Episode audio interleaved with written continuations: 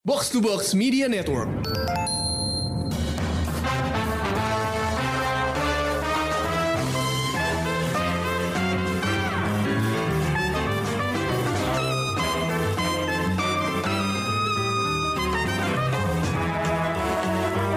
Halo halo pendengar Showbox Podcast, kembali lagi dengan gue Lisa dan kali ini gue ditemenin sama temen gue nih, eh, reviewer sejati yang satu-satunya punya satu-satunya punya izin ya, punya kredit ya. Silakan Amir Siregar. Halo. Kredit. Paling kredibel kayak kalau reviewer di Indonesia tuh Amir doang kayaknya ya, punya izin, Ah. punya yang punya apa apa, apa Om. istilahnya? Apa istilahnya? Oscar Eh, something gimana gimana? Online Film Critic Society. Online Film Critic Society. Nah, jadi kalau gue ngundang Amir tuh artinya valid guys, beneran. Oke, kali ini kita bakal ngomongin Midnight Mass. Ini adalah series dari Mike Flanagan yang terbaru. Mike Flanagan siapa sih? Dia adalah showrunner yang bikin kalau di Netflix tuh Haunting of Hill House, eh, ada juga Haunting of Bly Manor, ada juga Gerald's Game. Sempat nonton nggak lo Mir si Gerald's Game ini? Sempat Jonas Game nonton. Sempet ya. Jadi emang Ya. eh, triki-triki gitu ya cara berceritanya ya si eh, Mike Yes. Flanagan ini gitu kan. Jadi eh, kita akan bahas soal um, eh, Midnight Mass gitu. Kebetulan ini baru aja tayang tuh kayak minggu lalu ya. Minggu lalu Jumat kan. Jumat kemarin. Jumat ya, hari Jumat Ya. itu dia mulai tayang di Netflix gitu. Terus dia juga pernah bikin eh, film Hush, eh, Oculus, eh, Absentia gitu. Cuman kayaknya memang eh, dia tuh eh, memang kayaknya orang tuh lebih kayak eh, hitsnya tuh ketika Doctor Doctor Sleep gitu ya, Doctor Sleep Iya. yang eh, proyek ambisius menurut gue karena eh, gila dia berani berani nyolek The Shining gitu yang merupakan sebuah apa ya klasik horor gitu lah. Jadi eh, kalau dia berani bikin Doctor Sleep dan gue suka banget Doctor Sleep gitu ya makanya gue sangat excited tiap dia bikin eh, series horor. Oke kita dengerin dulu trailer dari Midnight Mass. We tend to dislike mysteries. We feel uncomfortable not knowing.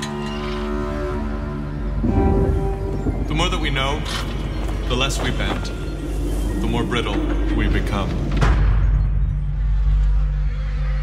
The easier to break. That wasn't an act of God. Wasn't it? It's okay to just look at the world and say, why, why, why? I don't understand. Why,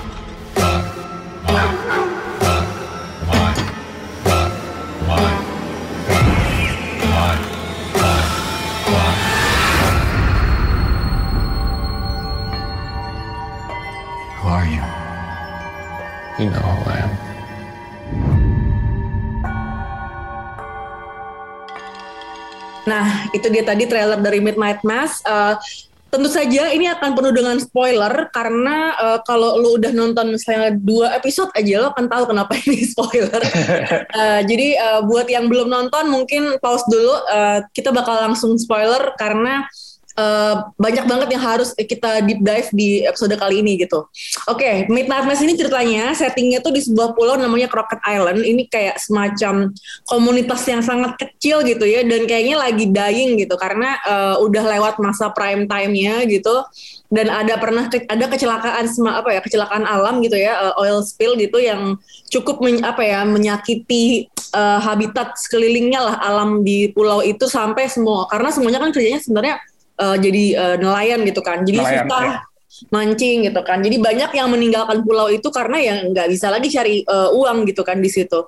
Eh, nah kemudian salah seorang tokoh utamanya adalah si eh, Riley Flynn ini diperankan oleh Zach Guilford, Zach Guilford gitu ya.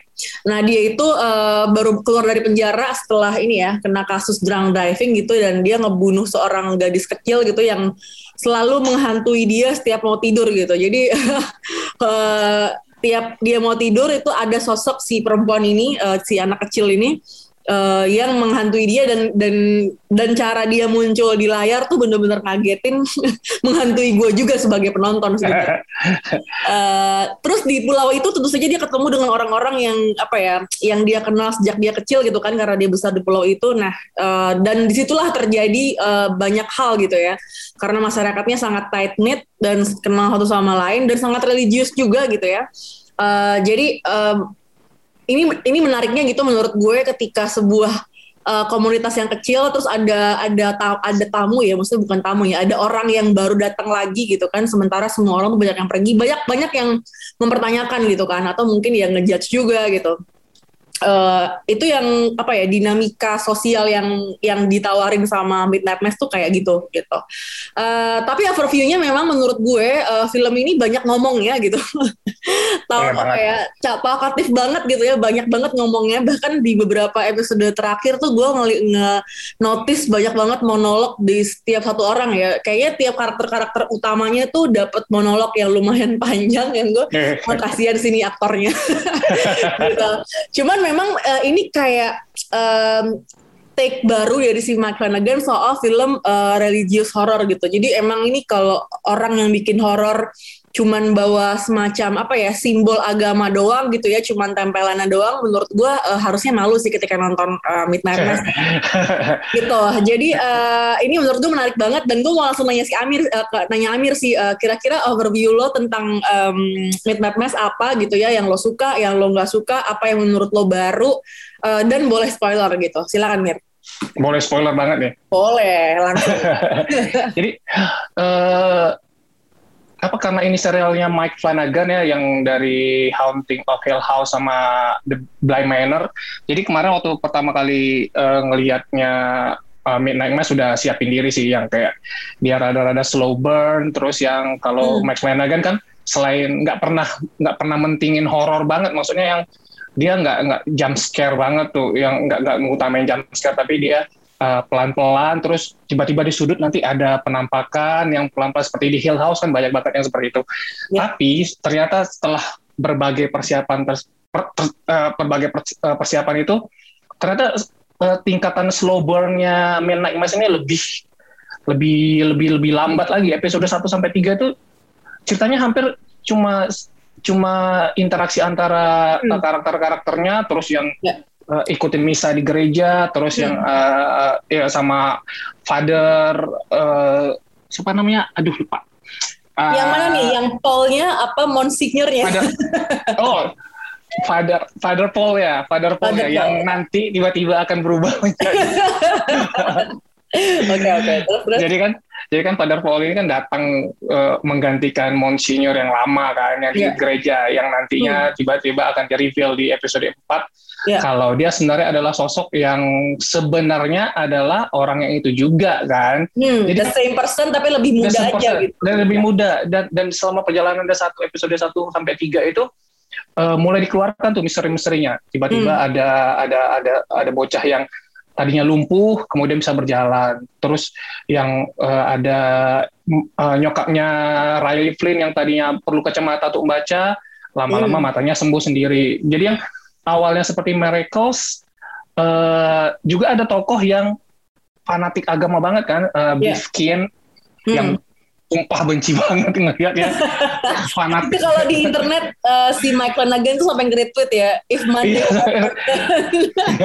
Emang Samantha Samantha Sloyan jago banget sih mainnya. Jadi yeah. yang uh, dari ekspresi mukanya sampai yang hmm. cara dia ngomong soal agamanya juga yang asli kalau orangnya itu ada di di dunia dunia beneran sepertinya kayak bakal langsung digampar ya langsung beneran.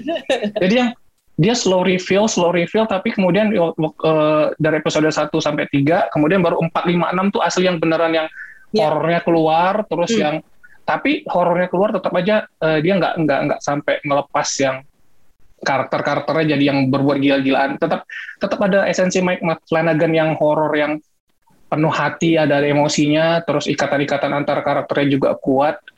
Yeah. Ya. Uh, I like this one. Ya, kalau setuju sih sama Lisa uh, yang soal kalau soal cerita mungkin ini lebih kompleks dan lebih jago banget uh, ngeramunya dibandingkan Hill House atau Bly, Bly Manor. Hmm. Cuma kalau yang uh, untuk dapat dinikmati mungkin ini perlu perjuangan perlu Hmm, perjuangan sedikit sih dibandingkan dua serial sebelumnya. True, ya. Ya, ya, gue setuju sih. Dan kalau misalnya tadi kan di Twitter kita sempat uh, ber- uh, balas-balasan ya. Jadi kalau menurut Amir, uh, peringkatnya gimana Mir? Kalau dari Hunting dan uh, Midnight?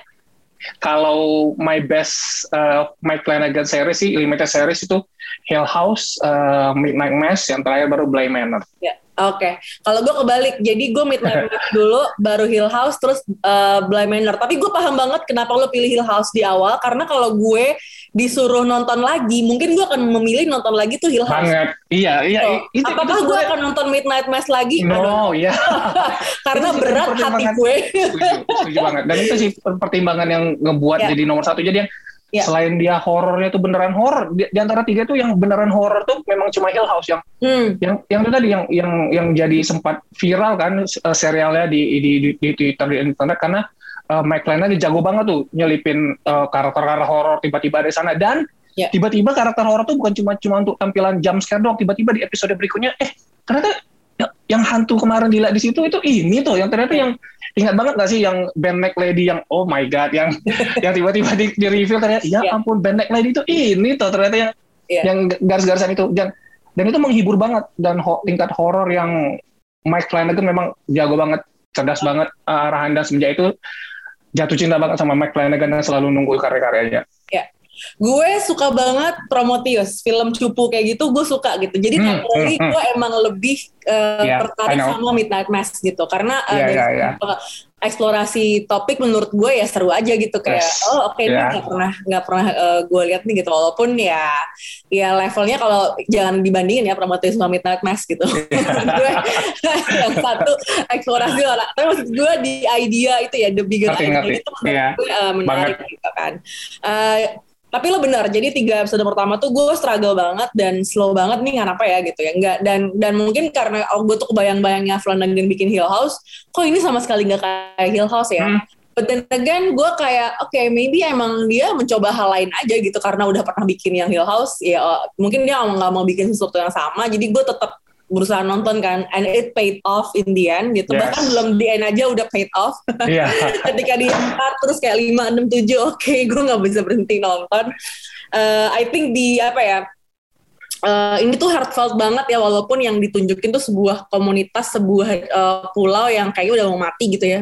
Pretty Hmm. much pretty much dead lah itu udah tinggal orang-orang tuanya doang gitu. Tapi ternyata ceritanya sangat eh, human apa ya sangat humanis gitu ya dan eksplorasi apa ya human sufferingsnya eh, menurut gua eh, luar biasa sih di sini. Jadi eh, it feels very very personal menurut gue Eh, dan gue suka selalu suka karya-karya yang eh, project-project yang eh, personal kayak gini sih. Gitu. Iya. Nah, dan, gue tuh mau dan- nanya sama eh, gimana? ah iya dan menurut lu ini kalau menurut uh, aku ya kayak yang uh, ada nggak sih sebenarnya karakter yang benar-benar bisa dibenci di sini maksudnya Hmm. Beef, Be- Beverly Kian sendiri di akhir itu yang at least ketika dia memandang ke depan, memandang kalau yang Iya. ya, nyampe gak sih kayak perasaannya kayak Iya.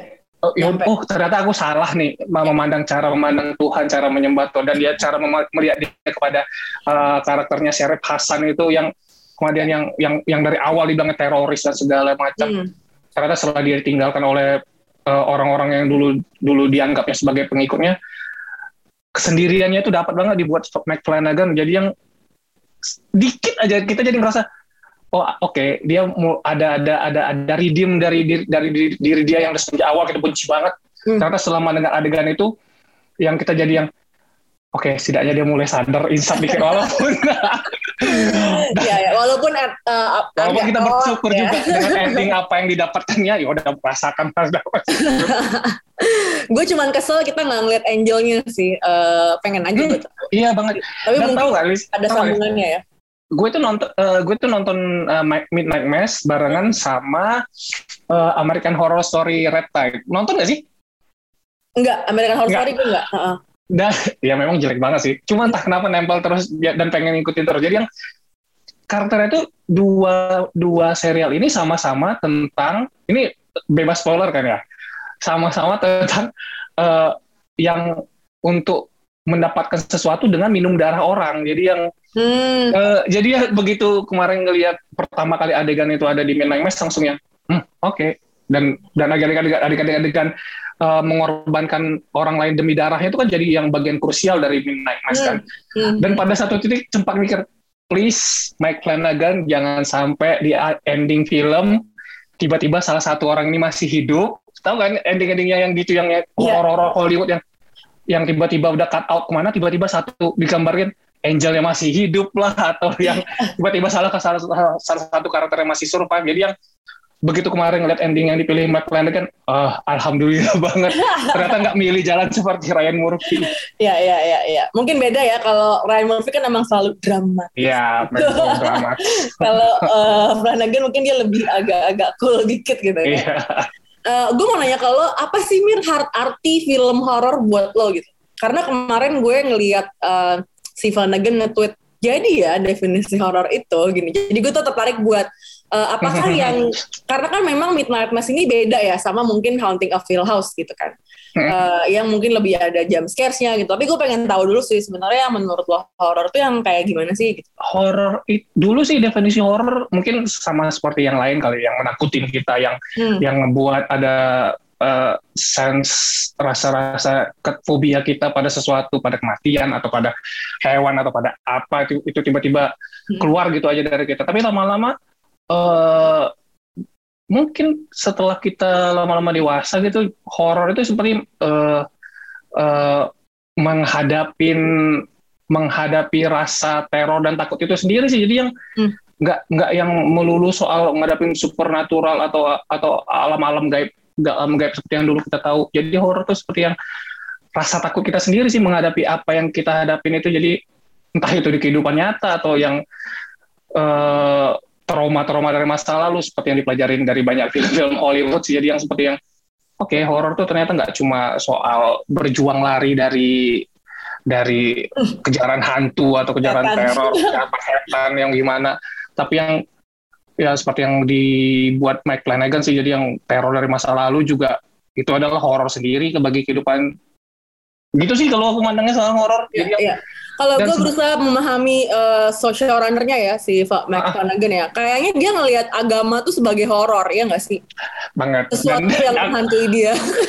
dan dan dan the best characters itu kan maaf aja yang ateis kan yang uh, Hmm. Riley Flynn kan yang sama Ya. sekali tidak percaya dan tapi begitu dia dikasih kesempatan untuk hidup hidup hidup selamanya dia nggak mau tuh demi meng- mengorbankan dan itu Ya. turun dari keluarganya yang, yang ayah dan ibunya yang Hmm. karena kan dia uh, ada tuh dialog yang ayah sama ibunya yang Iya. dia bangga Iya, iya, dia iya. bangga apa atas apa yang dipilih Riley Flynn karena nggak cuma pengen eh, nggak nggak nggak nggak karena hanya ingin hidup hidup selamanya dia mengorbankan orang lain jadi yang ya ter, ter, terbersih di situ aja sih yang oh oke ternyata pilihannya ya ini mungkin itu juga sih maksud dari showrunner jadi yang nggak nggak nggak nggak mesti soal nggak nggak menyindir agama juga tapi yang kadang-kadang eh, apa yang kita percaya dan terlalu percaya itu mungkin nggak selalu baik tergantung cara memandangnya juga kali. Ya, ya, ya. gue sih eh, simpati banget dengan cara mengemas apa ya religious horror gitu karena eh, jadi rich banget lah nggak nggak nggak murah gitu ya. Eh, religious horror tuh jadi nggak murah gitu. Jadi nggak cuman ada misalnya simbol-simbol salib apa gitu gitu kan. Jadi kayak yang lain tuh jadi terlihat cupu gitu dibanding sama apa yang dibuat eh, Mike Flanagan di Midnight Mass Em, gitu sih. Tapi gue tuh ngerasa eh, the, Vam- the Vampire Story. Oke kita ngomongin vampirnya nih, vampirnya ya. Eh, lo ngerasa nggak sih vampirnya itu nggak terlalu ditunjukin gitu? Kayak mereka tuh kayak semacam oke ini orangnya jadi vampir gitu, tapi itu nggak jadi pembahasan gitu loh. Iya dan sih? rulesnya Kayak- dan rulesnya nggak ada juga kan Liz Nah, maksudnya kalau kalau film-film vampir yang lain tuh ada rulesnya kayak yang eh, kamu gigit ini dia eh, bakal jadi vampir sementara eh, di satu adegan tuh kalau nggak salah pende- Fa- Father Paul Hill-nya bilang itu orang pilihan yang sebenarnya Hmm. yang dihidupkan kan Hmm. tapi tiba-tiba seperti yang di di, di, di, di- di adegan di gereja Hmm. tiba-tiba semua makan nggak ada tuh tiba-tiba semua makan tiba-tiba di adegan berikutnya semuanya hidup. Nggak nggak nggak semua nggak nggak nggak yang orang-orang terpilih aja yang hidup kembali. Jadi yang ada kaget sih kemarin loh kok hidup semua? Kirain bakal ada beberapa orang aja yang terpilih jadi tapi yang yang yang gitu-gitu sih maksudnya yang yang bagian vampirnya kayak eh, nggak tahu mau bilang lupa di lupa di lupa dikembangin lagi tapi kok ngerasa jadi kayak so kayaknya nggak mungkin juga dia lupa ya. Iya, I think if anything that should be intentional. Tapi gue agak-agak mempertanyakan sih kenapa dia Sama. nggak terlalu apa ya bagian vampirnya itu dan dan apakah gue nggak ngerti nih apakah ada bag- apa ya mungkin folklore di Amerika gitu lebih lebih kuat ke situ? Gue agak-agak bingung juga sih sebenarnya. Tapi em, ya itu sih yang pengen gue bahas dikit ya soal soal vampirnya ini gitu. Dan bagian Angelnya juga kurang kan Liz maksudnya yang Iya, uh-uh. eh, begitu dia di ending juga dan dia nggak ngelawan loh waktu yang waktu di waktu mau dibakar sama dua karakter remaja itu kan yang nggak waktu usah dia di ngelawan rumah. nggak usah dibakar. Dia lagi dirobekin sayapnya aja Iya. nggak ngerasa. Nggak ngerasa. Jadi yang ini sebenarnya maksudnya apa? Tapi yang ya udah mungkin itu bagian dari dia bagian cuma dari sebagai penyebab ya. dan dan dan dan sampai sekarang masih nanya sih itu sebenarnya malaikat atau setan sih sebenarnya jadi yang Nah itu Hmm. nggak kejawab kan. Itu kan Iya. cuman eh, si karakter monsignornya memang dia mengasumsikan oh ini malaikat. gitu. angel iya Tapi kan eh, I don't know, eh, itu kan terrifying banget ya dan dan dan gilanya ketika dia masuk ke gereja adegan dia ada di ujung Hmm, pintu hmm, iya. dan dia masuk ke gereja dan itu si monsignornya bener-bener tinggal ngutip Bible gue nggak tahu ya itu kutipannya absah apa enggak gue nggak pernah baca Injil gitu. Iya. kayak I'm assuming it's true gitu gue apa Iya, yang iya, dikutip iya. sama di filmnya cuma kayak wow di apa ya itu kan memang terdengar menyeramkan gitu kan dan Mhm. kalian semua takut gitu kan you guys fear apa you, you guys fear the the angel gitu dan kalau sosoknya mengerikan kayak gitu emang orang jadi ngeri sih ya nggak Iya, Tapi kalau lo mau banget. bikin mau bikin malaikatnya terlihat apa ya eh, bersih gitu misalnya atau atau cantik atau ganteng gitu atau apa ya menarik gitu lah ya nggak jadi serem kan jadinya eh, kayak malah kagum gitu kan tapi kayaknya efek Iya. yang ditulis dalam yang at least yang dia kutip di Bible ya yang gue harap tuh bener itu kutipannya Hmm, berdasarkan berdasarkan gambaran iya dari itu kan memang Bible itu orang jadi sendiri. Jadi takut gitu kan nah Yes. itu kali Ah. menurut gue itu kayak itu yang Iya dia juga. kejar gitu kan ya nggak Iya sih juga sih, iya benar-benar ya. Baru nyambung sekarang nih, Lex. Serius Iya. kan? nggak gue kayak mikir aja gitu kenapa kenapa dia mengutip ayat itu ya cuman maksudnya Mhm. ya jadinya mungkin masuk akal sih kalau eh, eh, kenapa sosoknya dibuat mengerikan karena dia mengacu ke situ yang mengerikan tuh yang kayak gimana ya ya itu versinya Mike Flanagan mungkin yang kayak gitu kali yang Iya, iya. Eh, seru sih tapi eh, iya eh, tapi kalau misalnya em, menurut lo di Midnight Mass ini yang gak lo suka apa Mir? Satu yang soal itu tadi soal legenda Angelnya belum nggak nggak Iya. nggak ngerasa kena sih. Maksudnya dari yang awal dia mencoba menghidupkan Father Father Paul Hill, Monsignor Hmm. Monsignor Pruitt dari awal hmm, bertanya-tanya sih. eh, Oke, Ya. kiranya kirain nanti bakal berjalan episode bakal digali lagi nih soal Angel. Eh ternyata cuma gitu-gitu doang, tempelan doang. Terus eh bagian aduh tadi mau bilang siapa ya lupa. Oh bagian ini eh Dokter Sarah Gunning kan Oh. dia ternyata di reveal ternyata adalah anak dari eh, Monsignor Pruitt sama Oh, eh, Mildred Gunning kan. Ya, ya, ya. Itu sebenarnya bagian yang eh, lumayan banget di ending tapi kenapa di, diletakin di ending banget sih maksudnya? Cuma jadi cuma jadi sekedar biar lo nangis. Cuma cuma eh, dari penampilan-penampilan aktor-aktornya eh eh, Anna, Anna Bergis yang meranin Sarah Gunning kan lumayan sebenarnya tapi nggak dapat kurang dapat jatah aja sih da- dibandingin sama Kate Siegel mungkin kan atau eh, Zach Gilford. Jadi Sarah Gunning eh, Anna Bergisnya cuma kerasa seringan cuma jadi background aja nggak nggak jarang untuk dikedepankan. Terus udah sih kayaknya minor doang sih bagian-bagiannya. Dan itu kebanyakan juga kalau kalau mau dipermasalahkan kok soalnya kalau secara keseluruhan I'm very very satisfied with this one. Dan Yes. nggak tahu ke mana lagi Mike Flanagan mau mau mau gerak lagi. Gila banget. Kayak gini how do you top how do you top Midnight Mass gitu kan? Karena kan katanya bikin eh, The Midnight Club ya. Iya dan itu Yang adaptasi buku mirip-mirip. kan tapi itu kayaknya gaming ya apa sih Mil?